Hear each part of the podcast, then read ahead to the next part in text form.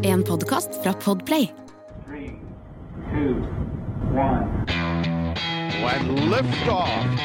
One, two, three, four, five, five, four, three, two, one. Enter test.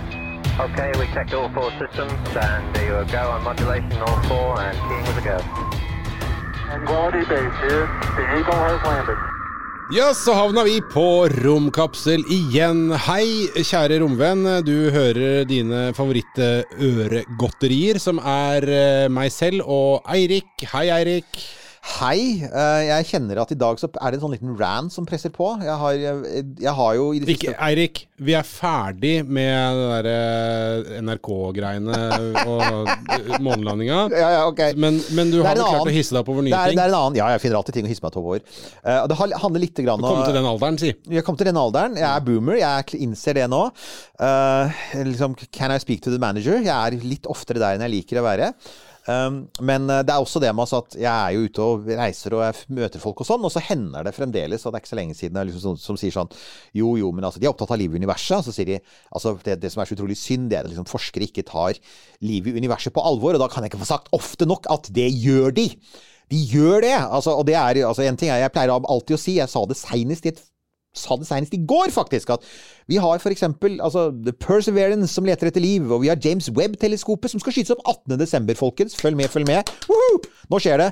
Som skal lete etter liv, og vi har Europa Clipper som skal til Europa lete etter liv, og vi har Dragonfly som vi har snakket om, den 900 kilo med drone som skal til Titan for å lete etter tegn på liv. Alt dette koster masse, så vi gjør det. Men her og I dag så skal det handle om et nok et eksempel på det. Altså, De tar det på alvor. Og er, altså, forskere er til og med ganske kreative. Og her er altså det, er et sprelsk forslag! Og saken er Og det liker vi. Eh, Vi- vi det er liker det. gøy når Altså, eh, bare for å ha det sagt, da. Som eh, den i rommet igjen, det er lenge siden jeg har sagt det. I rommet, og da mener jeg dette rommet som vi sitter i nå. Denne romkapselen. mm -hmm. Med færrest studiepoeng. Ja. Så syns jo jeg at det er veldig gøy å høre om alle de kokoseksperimentene som forskere, alvorlige, voksne mennesker, forskere med mange studiepoeng og helt sikkert god lønn i seriøse organisasjoner, har tenkt ut for å nettopp leite etter eh, tegn på liv. Det er jo gjerne da ikke sånn at de eh, sender opp kameraer som skal filme og søke etter små grønne menn med store hoder. Eh, men det er jo mer på, hva skal man si, eh, La oss kalle det mm, teoretisk liv, da. Altså ja. mikroorganismer og den type ting. Det er jo ingen som forventer å plutselig eh, møte på eh, en eller annen skapning som hilser tilbake. Det er akkurat det. Ikke sant? Det er ikke der vi er, og vi har jo tidligere hatt denne diskusjonen om å lytte til signaler i rommet. Eh, og det er en ting som man nå er blitt ganske opptatt av i det siste, det er det man kaller for teknosignaturer. Og det er, er egentlig akkurat det det høres ut som. Det man ser etter, er tegn på teknologi. For altså, teknosignaturer det behøver jo ikke bare å være at de sender ut radiostråling eller lysstråling. Det kan jo f.eks. være altså man har begynt å, Det var for noen år siden så var man, lurte man på om det var en stjerne som hadde lys som varierte på en litt sånn spesiell måte. Man lurte på om det skyldtes et svært byggeprosjekt, f.eks. Altså Ja. at, at uh, det fantes en sivilisasjon som hadde bygd romstasjoner og slike ting som var så store at de delvis dekket til stjernen. Og, og en teknosignatur kan jo være så enkel som at man ser ute i rommet altså sporene etter et romskip som er ute og flyr. Altså rakettflammen, f.eks. Det kan være en teknosignatur. Og så har du den der som vi har vært innom, og nå jeg, jeg, Søren er ikke engang sikker på om dette er riktig, men er det omu, Oumuamua? Oumuamua. Omea, mie, mio, mio. Det er, altså, Vi har hatt den flere ganger. Det er denne rare, slanke steinen som suser gjennom solsystemet. Jeg sier steinen, og der er det allerede fighting words, ikke sant? Eh, og, og der Det er en debatt som går om den fremdeles. Den holdes i stor grad i live av en astronomiprofessor. Han er en, eh, helt klart en oppegående fyr som heter Avi Ja, Loeb. men Han som mente at vi skulle sende opp et eller annet som skulle ta den igjen, og noe sånt, Ja, var ikke det? Avi Ja. Lo- Loeb, som han heter. Han er jo professor på intet mindre enn Harvard-universitetet, så det er ikke, det er ikke småtterier. Um, han fortsetter å insistere på at den er, altså at, uh, den er kunstig, og at det vi så, var en teknosignatur. Ja. Uh, vi så et eksempel på fremmed teknologi. Eh, og, og hovedgrunnen til at han sa det, var jo annet måten den beveget seg på. så er det det store flertallet av astronomer eh, tror ikke at dette er godt nok til å si at det er kunstig. De mener at det kan forklares naturlig, og den diskusjonen får bare påregå. Men, men det er et veldig godt eksempel på akkurat det. Altså at det er ikke et radiosignal, du ser en ting. Du ser et romskip, eh, et, byggeprosjekt, eller da Som jo ville vært veldig mye mer spektakulært enn det å finne kanskje noen spor til noe prompegass. Ikke sant. Og så har du gjenstander, altså artifakter, Ja. om man vil, som man alltid kaller det også. Og, og her kan jeg si at her har flere av lytterne faktisk vært litt, de, de har vært litt opptatt av det. Så jeg har hatt noe, også noen diskusjoner på det eh, de, de siste årene, og egentlig tenkt at dette bør vi kanskje si litt om. Men ja, muligheten for å finne noe som er laget av en fremmed sivilisasjon i vårt eget solsystem. For, for altså, greia er jo det er jo mange som har pekt på det. Altså, det har vært mennesker på jorda, mennesker som oss på jorda, hva for noe sånn, sånn 100 000, 200 000 år eller sånt. Og jorda er 4 milliarder år gammel. Som andre ord, sjansen for Hvis det kom noen aliens tilfeldigvis forbi, så er sjansen for at de liksom kommer når det er mennesker der, da, den er ekstremt liten. Det er mer, mest sannsynlig er at de har vært der mens det var dinosaurer her, eller for millioner av år siden. ikke sant? Og samtidig så kan de jo ha sett at det var liv der, så kanskje de ville sette igjen noe som overvåket det livet, eller kanskje de ville sette igjen et slags minnesmerke, eller kanskje de ville sette igjen en sånn slags beskjed til oss, da. Påskeøya, Stonehenge Og det finnes en veldig berømt film som vi, vi to har delte meninger om, 2001 En romodyssé, hvor det er hovedtema. Ja. Altså tema, altså det kan jeg si uten å spoile noe, hvis ikke dere har sett den. Hvis dere, hvis dere ikke har, Altså, ikke Nå tar du mye hensyn. er det mye Jeg vet ikke om det er mye plott å spoile. mye Nei, det det er vel det som er greia. Den har ikke så mye plott, men, men den har en, en, en tanke. En kjernetanke som faktisk er god. eh, og det er ideen om at, eh, du, du, altså at når vi møter den fremmede intelligensen for første gang, så møter vi ikke den direkte. Det er ikke noen som du sier, sånne store grønne hoder som kommer bort til oss og hilser på oss.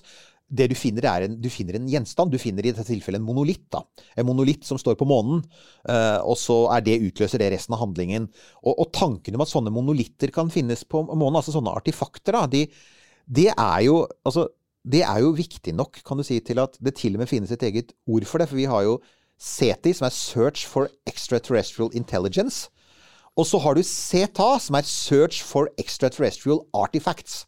Det er et mye mindre og mye særere felt, Definitivt. men likevel. Ja. Og da søker man da om Det kalles for enten Extraterrestrial Artifacts, ETA, eller NTA, Non-Terrestrial. Her er vi på akronymkjøret igjen, Nils Johan. Ja. Sorry. Jeg liker det. Nei, nei, sorry. Det, herregud, jeg digger jo disse akronymene. jeg. Men altså, CETI SETI skjønner jeg. Det, det er jo eh, det har, Jeg har jo tatt del i det uh, Mm. sjøl. Det kan man jo sikkert fremdeles gjøre. Laste ned dette programmet. Og, og, og drive home, ja. Ja, at liksom, home. Det går fremdeles, ja. ja og drive og, og analysere sånne datapakker. Uh, når du ikke bruker maskina di, så kan du jo gjøre det hvis du vil, hvis det fremdeles eksisterer. Eh, men der, der, der, der liksom sifter man jo gjennom, eh, gjennom eh, altså signaler eh, som er plukka ned eh, av disse teleskopantennene. Hvordan gjør man med artifacts? Altså, må man drive og kikke på bilder, da? Eller hva? Ja, det var det som var greia. Altså, for, for det første Google tenke, search, liksom? På Ikke sant. Altså For det første så må man tenke hvor skal man se etter dem? Og, og det første du tenker da, ja, men det er klart de kan ha plassert en monolitt på jorda f.eks., eller en bauta eller et eller annet. Men det du da tenker er at på jorda er det altfor mye som herper. ikke sant? Så jeg tenker det første, hvis, hvis, noen, hvis det landet aliens her i dag, da, og, og, plasserte en monolitt et eller annet sted, for å si her har vi I vært Frognerparken. ja, bare sånn, så vil det gå fem minutter, så vil noen ha selvfølgelig ha tagga det ned. ikke sant? Så det første som skjer, er jo da så, så er det spraymaling og, og Med et eller annet sånt akronym! Med et- det er jo med et det som som kommer på. nemlig. Det er ikke Ja, sånn- gjerne sånn, noen ja. bokstaver. sånn NTA med en swish, ikke sant? Ja. Og så Og det neste som skjer, er selvfølgelig vær og vind, eh, vulkanisme, fugledritt, Duer, ja. duer, alt mulig. ikke sant? Altså, bottom line, alt som plasseres på jorda, vil bli brutt ned. Og det er du intelligent nok til å fly hit fra en annen stjerne, så veit du det. Så du plasserer selvfølgelig ikke en bauta på en strand eller midt inni en skau. Du plasserer den et sted hvor klimaet er Hvor alt er helt forutsigbart, og ingenting forandrer seg. Så når, eh, I 2001-filmen så er det jo, finner man altså monolitten på månen. Det, er, det, er de- det, har, man, det har vært foreslått helt seriøst. Månen er ett sted. Mars er et annet mulig sted. Det er jo ikke utenkelig. Men månen er, på Mars. Mars er nesten perf månen er nesten perfekt, for at den har ingen atmosfære. Den er nær jorda, og det er en sånn veldig god sånn eh, altså hvis man, Og det er det som er poenget i 2001, altså at den er der for å si fra til romvesenet om at nå har de kommet langt nok til å kunne dra til månen. Ja, ja, nå, har de, nå har de passert det punktet, liksom. Og, og selvfølgelig, hvis det står, eh, står en monolitt på månen, så vil den faktisk være relativt lett å oppdage. fordi at det er ikke noe skyer på månen, det er ikke noe, det er ikke noe støv som blåser omkring. Den vil ikke bli begravd, ikke sant. Så den kan stå på overflaten og være synlig. Og, og da var det altså faktisk en um... Kanskje det sto der, og den ble truffet av en uh, et eller annet. uh... Det kan være, ikke sant? Og da, det er skikkelig uflaks. Men, men det, det, er jo da, det har faktisk vært en amerikansk forsker for noen år siden, han het James Benford. Og han foreslo at man skulle starte et sånt SETA, Search for Extraterrestrial Artifact-program på månen. Eh, For at NASA har jo en sånn der eh, satellitt i bane rundt månen som heter LRO, Lunar Reconnaissance Orbiter. Og den har tatt mer enn to millioner bilder av månen, og mange av dem er i ekstremt høy oppløsning. Altså, de er, du, du kan faktisk se fotsporene til astronautene på månen fra den satellitten. Så det han sier er at den er mer enn skarp nok, selvfølgelig, hvis noen har plassert Hvis noen har lagt en medaljong, da. Ja, de har lagt igjen en pinn. En sånn OL-pinn. Da har de ikke lagt igjen, da har de mista de har mista den, ikke sant? Ikke sant? Det er nemlig, ikke sant? De har mista en sånn, eh, en sånn iskrempapir eller sånt noe. Det er klart, det vil du ikke se.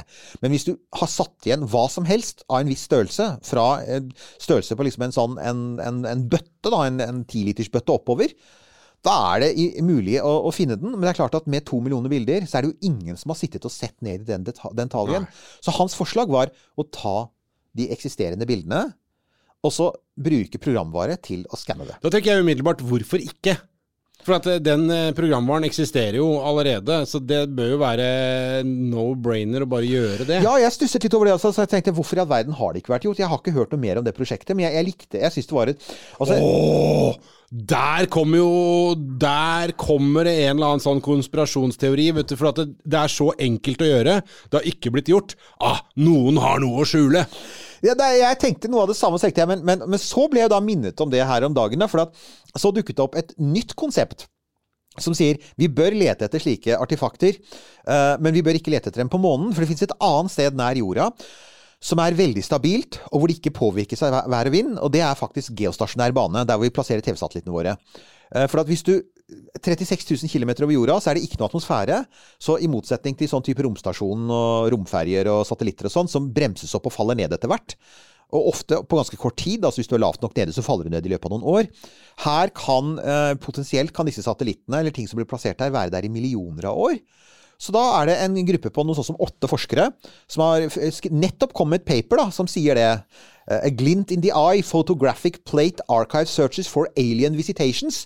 Og dette er helt seriøst. Det er altså en seriøs vitenskapelig publikasjon. Og tanken deres da, det er at det er tatt opp gjennom de siste 100 årene tatt masse bilder av stjernehimmelen, og mange av dem er av det området der de nå finnes eh, geostasjonære satellitter, TV-satellitter og sånn. Så hvis man finner bilder som er tatt før 1957, og hvorfor før 1957 er da dagens oppgave til lytterne her, da. Før 1957! Ja.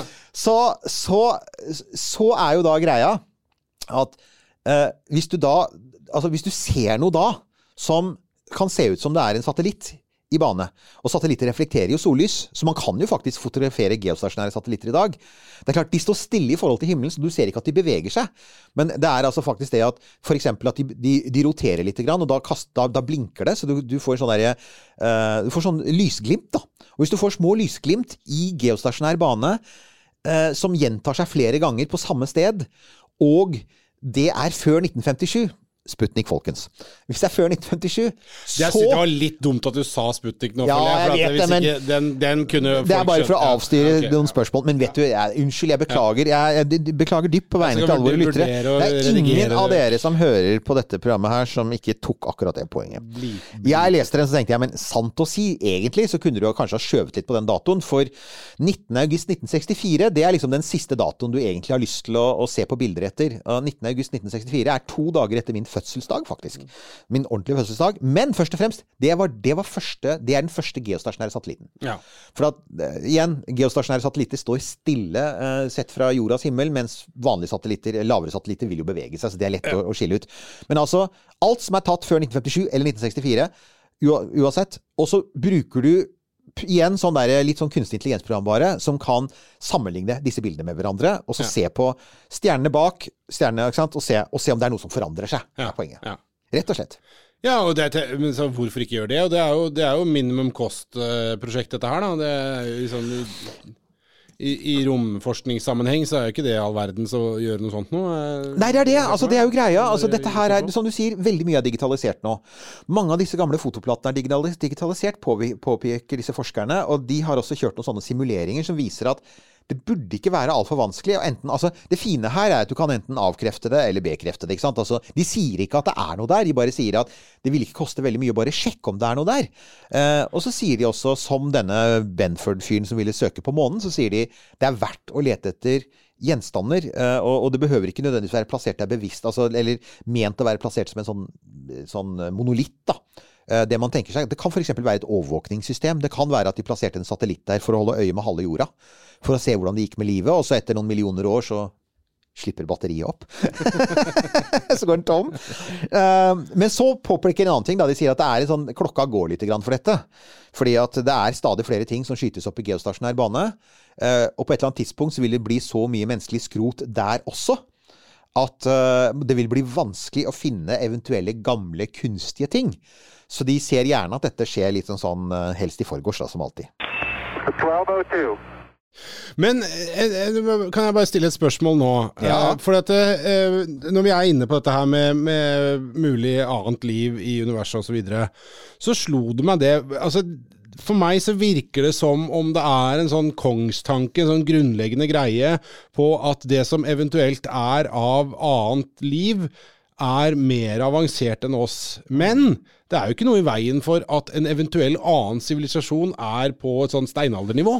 Helt sant, på samme sted som oss, eller som det også blitt påpekt, vi leter etter teknosignaturer, og da tenker vi oss alltid at de ligger sånn derre millioner år foran oss. At de har sånn der Star Wars-teknologi, da. Ja. Men hva om de f.eks. ligger ikke millioner år foran oss, men noen hundre år foran oss? Og det, det var faktisk, For noen år siden så var det en, en spansk astronom, Hector Navarro het han, og han mente at altså dette med, Jeg sa det nettopp. Geostasjonær bane. Vi driver og fyller opp geostasjonær bane. Vi, vi fyller opp jordbane med satellitter. Romsøppel er et problem. Vi vet alle dette.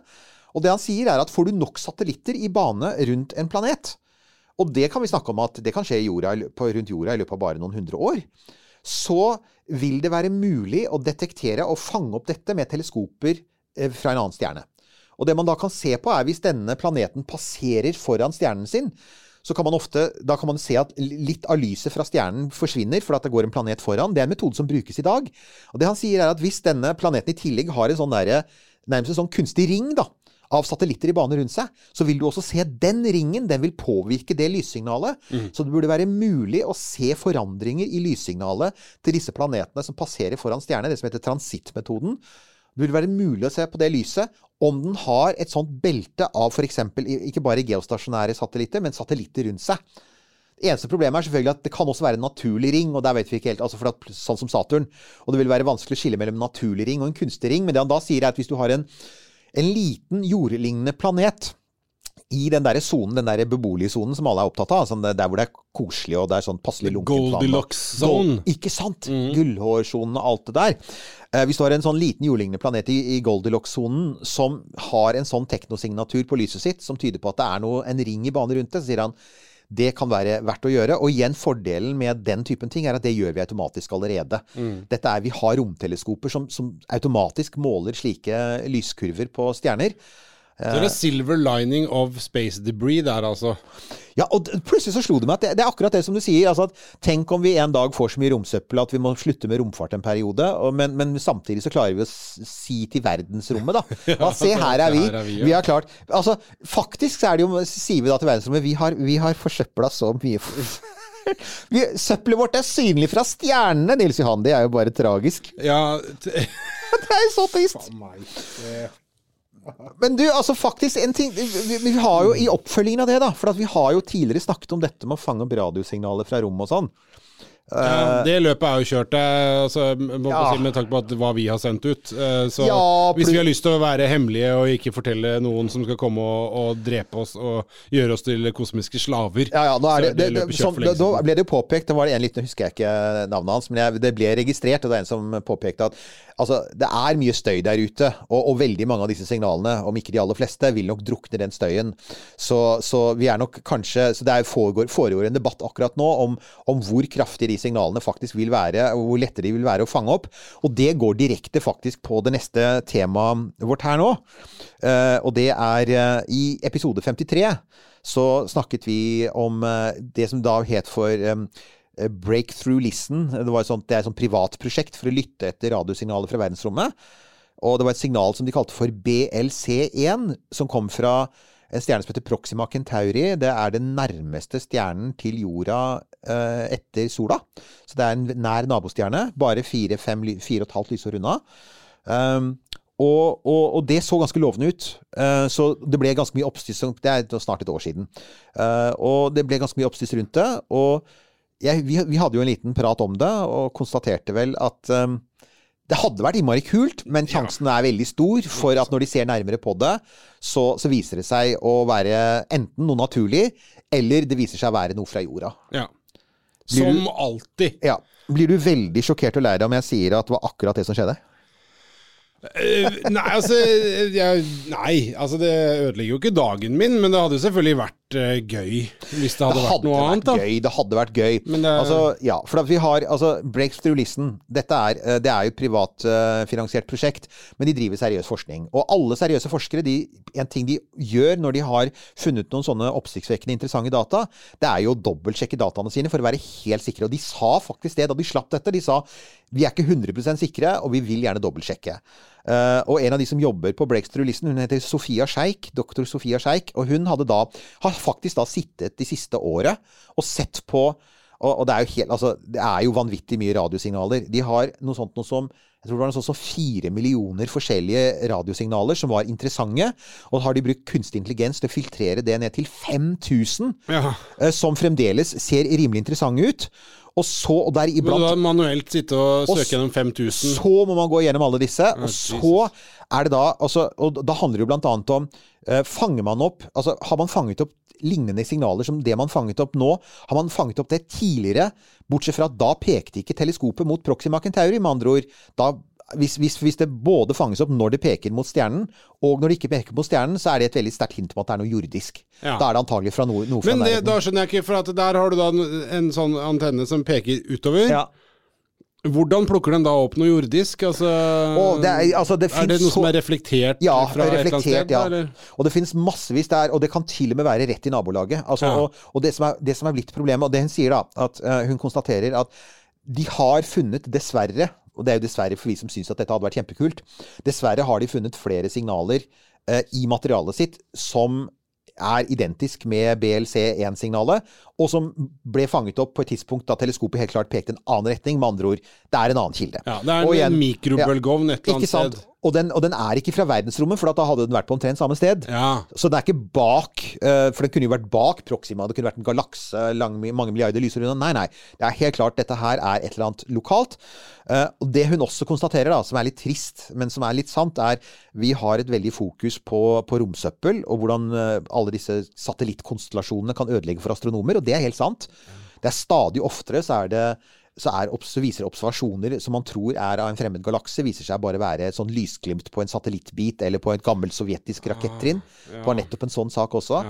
Um, og, men, men det, det, uh, hun peker på, er radiointerferens. Altså at det blir det, blir, det, er fryktelig mye radiostøy nå. Og det er ikke bare fra radiosendere, men det er fra elektronisk utstyr. Ja, og det blir jo verre nå som såpass mange har fått den covid-vaksinen og har fått eh, implantert 5G, eh, selvfølgelig. Det er så, mye 5G, så ja. det er helt klart Det kan, det kan ha vært vaktmesteren som gikk omkring og støvsugde, ikke sant? Ja, ja. Og som, som, sendte beskjed til eh, Covid sendte beskjed til Bill Gates. Og, og, og, samtidig så skapte det da et kunstig inntrykk av at det fantes liv på andre planeter. Mm. For en verden vi lever i, gitt!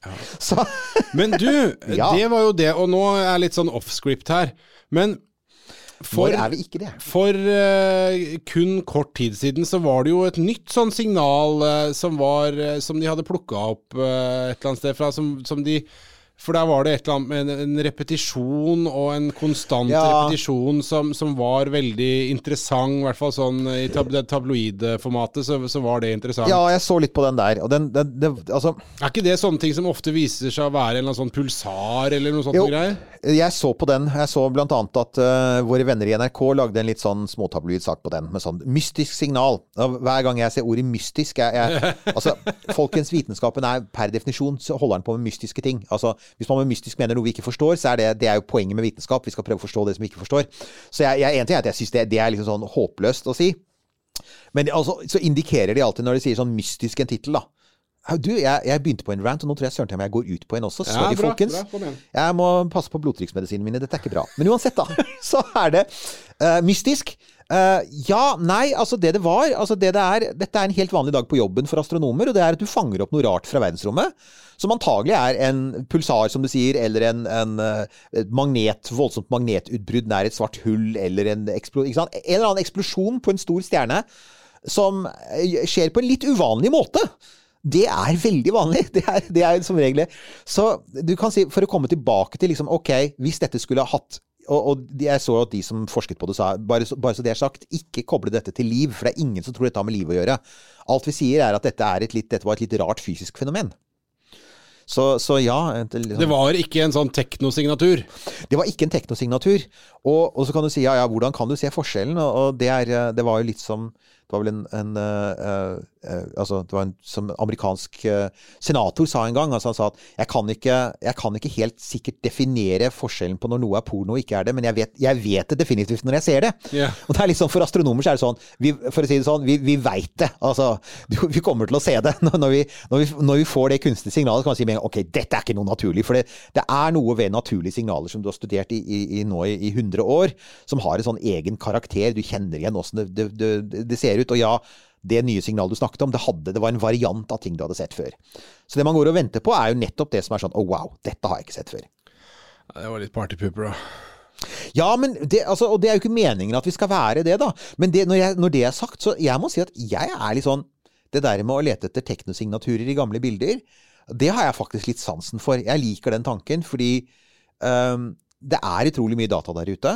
Og vi veit at mange av disse dataene har ikke vært brukt skikkelig. Og det jeg også tenker, da, er hvis du først begynner å lete etter disse mulige Ja, en, en, en død alien-romsonde i geostasjonær bane, eller en sånn der 2001-monolitt på månen det interessante der er at uansett om du finner det eller ikke, hvis du virkelig begynner å finskanne alle disse bildene, så vil du jo finne noe.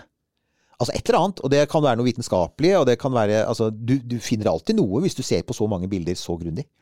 Så Ja, ja, sikkert- noe annet interessant, på en måte. ja, ja, ikke sant? Og det kan, være et, kan være et fysisk fenomen på månen. Det kan være, altså Kanskje det er altså, Vi tror vi har fullstendig oversikt f.eks. over alt sovjeterne gjorde på månen på 60-tallet. Tenk om vi ikke har det. Mm. sant? Altså, Who knows? Det kan hende at vi finner Plutselig så dukker Werner von Braun og nazistene opp på den mørke sida av månen. og Ja, du er- ser de løpe omkring, og, og det- low and behold, eh, nazistene snakker finsk. Så, så, men ja, altså, men, det, altså litt à la det. Og, det. og det er noe igjen med det med at, at nå har vi noen muligheter via teknologi. Da. Vi har disse enorme datamengdene, og så har vi disse Vi har en del programvare, men kanskje ikke akkurat spesifikt for dette. Men hvis vi får skrevet det, så kan vi eh, gjøre ny og spennende vitenskap. Så det syns jeg er gøy. Så, Ja, altså, la meg bare si det, da. For det, det som er disse to eh, prosjektene som måte har beskrevet her nå, da, dette her med å kikke på månen, og også uh, geostasjonær bane, eh, virker jo som, som, som jeg da også har sagt, veldig sånn no-brainer-ting. Så bare gjør det, For dataene er der. Man må bare se på de med et nytt sett med briller, eh, for å leite etter noe annet enn det man har gjort tidligere. Rett og slett. Og det, så det får vi håpe på. Og, og, eh, så jeg håper jo at eh, våre venner med geostasjonær bane får, eh, får gjort det der, da. Og så hadde det jo vært utrolig kult hvis man, man ser for seg at liksom, jo, du finner et eller annet som du ikke helt kan forklare, og så må du faktisk gjøre en romferd ut dit. Og så er du ute i rommet, og det du da kommer til, det er et eh, romskip hvor i, Det er et romskip som driver omkring, og så er det dekket av rødt støv, og, og du, skra, du børster vekk det røde støvet, og inni der så er det kanskje et slett Altså hvis noen da får litt sånn eh, blindpassasjervibbiser her, så var det helt poenget. altså mangler noe av Erik Tandbergs voiceover. Men bare tenk deg det, da. ja. Hvis det, men altså, det, det trenger ikke å være noe, et dødt romvesen inni. Tenk deg bare det å finne en, en sonde, da. Ja. En bitte liten uh, alien nanosatellitt, uh, som en liten CubeSat. Ja. Fra et eller annet som det ikke er er oss. jeg, jeg tenker at altså, for, det, det, det er folk der ute som sier at ja, men dette er veldig sånn far-fetched. Jeg mener, hvorfor i all verden skulle det være sånn? Så tenker jeg, nei, men altså, Hvis vi faktisk tror at romfart er noe som sivilisasjoner gjør, da, og hvis vi tenker oss at noen sivilisasjoner har hatt millioner av år å gjøre det på, da er det ikke urimelig å tenke seg. Så Sånn sett så har jo vår venn Avi Lob med, med Umeamea, Mua Mua, han har jo rett i det. Altså, det er, altså, det, jeg syns det mest interessante med den diskusjonen, da, for å runde av på den, det er jo at det er jo ikke forskere der ute som sitter og sier at nei, dette er helt umulig. De sier jo ikke det. De sier at ja, det er jo selvfølgelig mulig at det kunne komme et romskip fra det interstellare rommet og fare igjennom. Det de, men det de sier, er at vi syns ikke at dette ser ut som det. Og det er sånn, og Bevisene er ikke sterke nok. og det er sånn um, Carl Sagen, eh, min gamle romhelt nei, Astronomhelt, var han. Han var ikke romfarer. Eller who knows, alien. Eh, han pleier jo å si noe sånt noe som at eh, eh, altså Han sier 'extraordinary claims require extraordinary evidence'. Altså hvis du har en sånn litt oppsiktsvekkende påstand, så, så, trenger du faktisk mer enn normalt gode beviser. Og eh, Eksempelet han brukte, var som sånn sier Hvis du f.eks. da sier at du har en, en, en ponni i hagen, eller i mitt tilfelle en katt i hagen, ikke sant? Så, så, vil jo ikke du da si noe annet enn ok, Eirik, ja, fair enough. Hvis jeg da sier at jeg har en enhjørning i hagen, så er det mulig at du vil si ehm, har du bilde av den? Og forresten, den vil jeg gjerne se, ikke sant? For det er en litt oppsiktsvekkende ting. Og det er der vi er med denne Omea Mea, er at ok, det er interessant det han påpeker, men det er ikke det bevisene står ikke i stil til det han påstår, da. Altså det han hevder. Det er ikke oppsiktsvekkende sterke beviser som får, får folk til å si ok, wow. Helt klart. Akkurat nå er et romskip i ferd med å fly bort fra oss. Sorry, folkens, det er nok dessverre antagelig en stein. Men hvis den steinen hadde stoppa for å kikke litt Åh! Men hadde det vært kult, eller hadde det vært kjempeskummelt? Fordi at Begge deler. Ja, for at det er sånn Plutselig den steinen stopper og ser seg om litt, og så liksom åpner det seg luker på siden, yeah. og ut stikker noen sånne laserkanonaktige ting. liksom. Det er litt sånn Du får den følelsen. En bredside. Ja, nei, men øh, vi har, har vi sagt det obligatoriske om øh, T-skjorter? Eh, Nei, la oss gjøre det, da. Eh, Jula nærmer seg stadig mer, Nils Johan. Romkapsel.no, der kan du bestille T-skjorter og nå også kopper. Mhm. Hvis du har lyst til å drikke karsk, te, eh, teknekt, eh, kaffe, melk, eh, appelsinjuice, eh, hva nå du måtte ønske fra en porselenskopp. Eller hvis du har noen i livet ditt som du ønsker alle de hyggelige tingene til. Så er det fullt mulig eh, å skaffe seg romkapsel.no. Der finner du ut hvordan du gjør det. Ellers så, eh, som vanlig, så setter vi jo veldig pris eh, på alle som hører på oss, og alle som anbefaler det vi holder på med til en venn som kunne være interessert i det. Alle som trykker på det som er av stjerner, og laster ned og abonnerer og hører og alle disse tinga. Tusen takk, og alle som uh, vipser oss eh, bare fordi de er greie. Ja. Tusen takk eh, for det. Eh, romkapsel, Newt og Halvorsen på Vips. Det er også det samme sted, den samme kontoen, som ber deg om penger hvis du bestiller en T-skjorte eller kopp. Det er ikke spam. Og så selvfølgelig eh, det som, eh, som vi setter veldig stor pris på, og det er all tilbakemeldingen deres. Dere fortsetter jo å tipse oss, og bare i denne sendingen her så er det jo igjen sånn flere tips fra dere som dessverre så får vi ikke nevnt alle navnene, for det er mye. Vi setter enorm pris på det, og er, dette er jo med på å gjøre vår podkast til en podkast som på mange måter skriver litt seg selv. Altså, enten så skjer det noe der ute som vi må reagere på, eller så kommer det noen som sier du, eh, vi har et spørsmål, eller så kommer det noen som sier du, eh, eh, jeg har et kult tips til gjest. Og en gang iblant så kommer det noen som sier 'jeg vil gjerne være gjest', og det setter vi også veldig stor pris på. Så alt dette det, Vi er på Facebook, eh, vi er på Twitter. eh, Insta. Insta. Vi, Gram. vi er der folk samles, bortsett fra på TikTok og en del andre sånne Be ting som og bedehus. Og bedehus. Der er vi ikke. Takk for oss, da! Du har hørt en podkast fra Podplay. En enklere måte å høre podkast på. Last ned appen Podplay, eller se podplay.no. Ja, det fine med å høre på podkast, det er jo at du kan gjøre noe nyttig samtidig. Kan f.eks. endelig fikse den eh, skapdøra på badet. Sånn. Alt du trenger til enkelt vedlikehold hjemme, finner du på Biltema, wow.